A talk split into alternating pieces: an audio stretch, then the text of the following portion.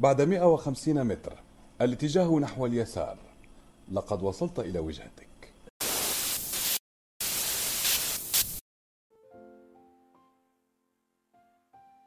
وأنت في العشرينيات من عمرك تمضي أغلب وقتك في الطريق.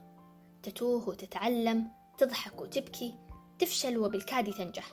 اصنع خريطة ذات فائدة واضحة يتوفر فيها الآتي. موقعك الآن واتجاهك. ولا حرج في أن تقلبها بين الحينة والأخرى لتعرف أين أنت وأي اتجاه تواجه. أنا نهى وهذا بودكاست من خلف نافذة.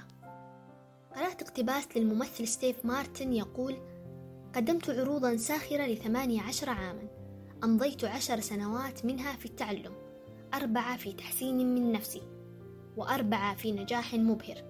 كنت أسعى لتحقيق الأصالة في ابتكار الطرفة وجاءت الشهرة نتاجا ثانويا بعد ذلك. كنت أمشي على المسار بخطى هادئة متثاقلة أكثر من كونها بطولية. في عصر تطورت به الخرائط الورقية إلى أن وصلت نظام المواقع وتحديد المسارات والمنعطفات والطريق إلى المنحدرة. لن تكون هذه التكنولوجيا ذات فائدة إذا لم تعرف معلومة واحدة فقط. وجهتك التي ترغب في الوصول إليها. لن يألف ويسترشد الإنسان بالخريطة إلا لأنه يكره الشعور بالضياع. وأغلب الضغوطات التي نشعر بها في الكثير من أوقاتنا هي مجرد مزيج من مشاعر متضاربة مسمومة ليس لها معالم واضحة. الكثير من الناس الذين اكتشفوا أصواتهم وسمعوا لدواخلهم لم يسيروا على نهج منسوخ ولا على نفس الوتيرة. لأننا نعيش الآن في بحر من المعلومات في الكتب، الإنترنت، الأشخاص البارزين من حولنا، الأصدقاء والأقارب، جميعهم لديهم فكرة ولو مبسطة بكيف تصبح ناجحا أو أكثر فعالية على جميع المستويات.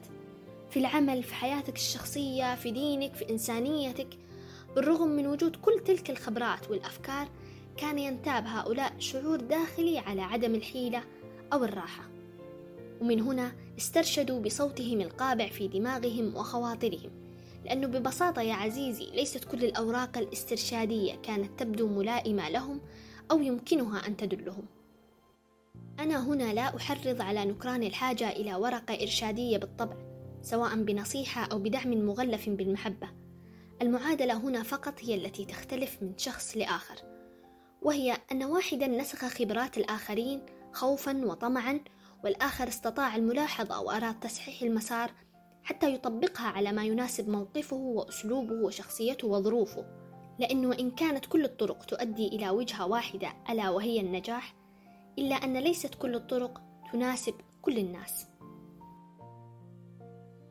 جرب أن تسرق كفنان وشاركني التجربة. وأنا من خلال تجاربي الضئيلة أدركت أن النمو والتطور أثناء بحثك عن صوتك هي في أن تسرق كفنان. الكل يسرق هذه الفكرة فكرة السرقة الاحترافية وخفة اليد.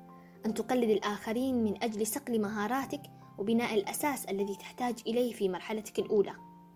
لكن وتحت لكن مئة خط لا يجب أن نعتمد على التقليد على أنه الطريق المختصر السريع للنجاح. أسرق بذكاء وهذا نوع من المجازفة التي يجب أن تبرز فيها أسلوبك وتعبيراتك الخاصة لأنه بالتأكيد لكل منا ما يميزه. في خضم حوار دار بيني وبين الصديق الذي أشركه في أمري والذي يشاركني الحوار حتى تنمو وتترتب فكرتي. إلى أن تنضج لأخرج لكم بمثل هذه الحلقة. وبمناسبة ذكره هنا أشكره من على هذا المنبر أيضا. شكرا يا خالد ألف مرة أخرى. على العموم كنا نتحدث عن أثر التجربة والمجازفة وفكرة التطور والكثير من القصص المعبرة وعن صانعين الفكرة والناجحين والمؤثرين. حتى شعرنا كلينا بتخمة دماغية. وبعد ما انتهينا من ذلك الحوار الكوميدي الساخر الواقعي جلست مع نفسي وقلت صبر كل هؤلاء الأشخاص الذين أراهم من حولي وأصنفهم كناجحين مبدعين ومؤثرين وصلوا إلى تلك النقطة التي رأيتهم من خلالها حتى أطلقنا عليهم تلك الصفات. قد فعلوا نفس الأشياء التي أحبها فلما لا يمكنني أنا أيضا فعل هذا؟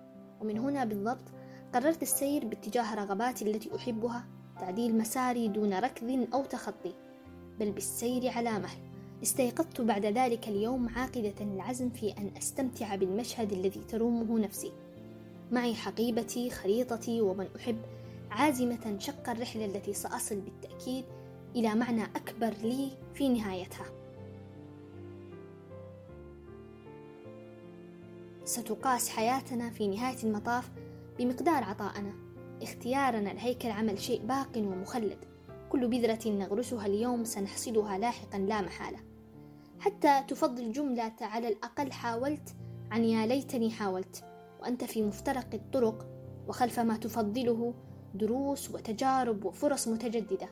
برضا عن حياة عشتها على أكمل وجه. دمتم في رعاية الله.